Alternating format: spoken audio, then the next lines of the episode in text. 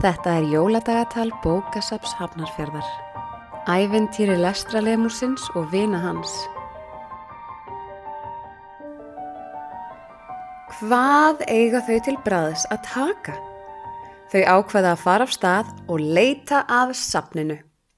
Álvarnir rýfast um í hvaða áttu þau að fara og að lokum hvæsir litli ljósalfurinn á þau að nú sé nóg komið og þau skulu bara læra að haga sér alminnilega. En hvernig haga maður sér alminnilega? Jú, segir lestralemurinn, það er einmitt eitt af því sem maður getur lært af bókum. Mannasiðir og samvinna. Meira þurfa alvarnir ekki að heyra.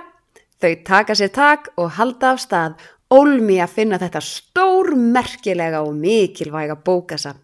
Bærin er skreittur undur fögurum ljósum sem glitra, ilmur af sigur húðuðum möndlum fyllir vitin og ljúfur tónar leika út um búðarklukkana. Lífið fyrir utan bókasafni er nú bara frekar huggulegt, hugsar lestra lemurinn með sér. Sjáu hér, kallar annar alfana. Mannfólkið svífur! Þetta hefur hópurinn aldrei séð áður. Alls konar fólk á öllum aldri svífur ring eftir ring. Öll brosa þau og skemmta sér. Þau verðast verið sérstökum svifskóm með hjárni á botninum. Skauta svell, segir lestra lemurinn. Skauta svell. Skauta svell.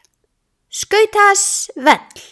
Hópurinn stendur þarna í dágóða stund sem dálitur, horfur á fólkið skemmta sér og njóta.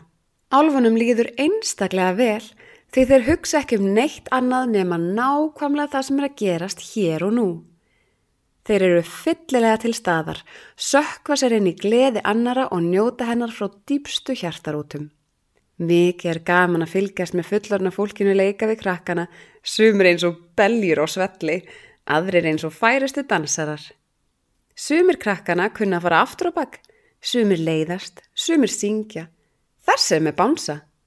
Hei, bánsin er í lægin eins og lemur. Byttu nú við, þetta er lestralemurinn. Það er nefnilega þannig með lestralemúra að þegar þeir sofa virðast þeir vera tuskudýr. Þeir gera sér heldur ekki alltaf grein fyrir hvenar þeir sopna. Eins og ég myndist á fyrir sögunni eru þeir að upplægi næturdýr en forvittni, æventýraþrá og bókaáhugi ruggla smá vökurhing þeirra. Lestralemurinn líður um loftið í örgum höndum sjóra bars, óvarum allt fjörið sem hann hefði í. Það lítur út fyrir að það regni bráðum. Ljósálfurinn fær þá hugmynd að syngja barni til sín. Mikið óskaplega er það fallegt. Barnið skautar í leiðslu til álfana og skilar til þeirra lestralemurnum. Teitur setur hann inn á klæði sín til að skíla honum og þau halda áfram leiðangri sínum.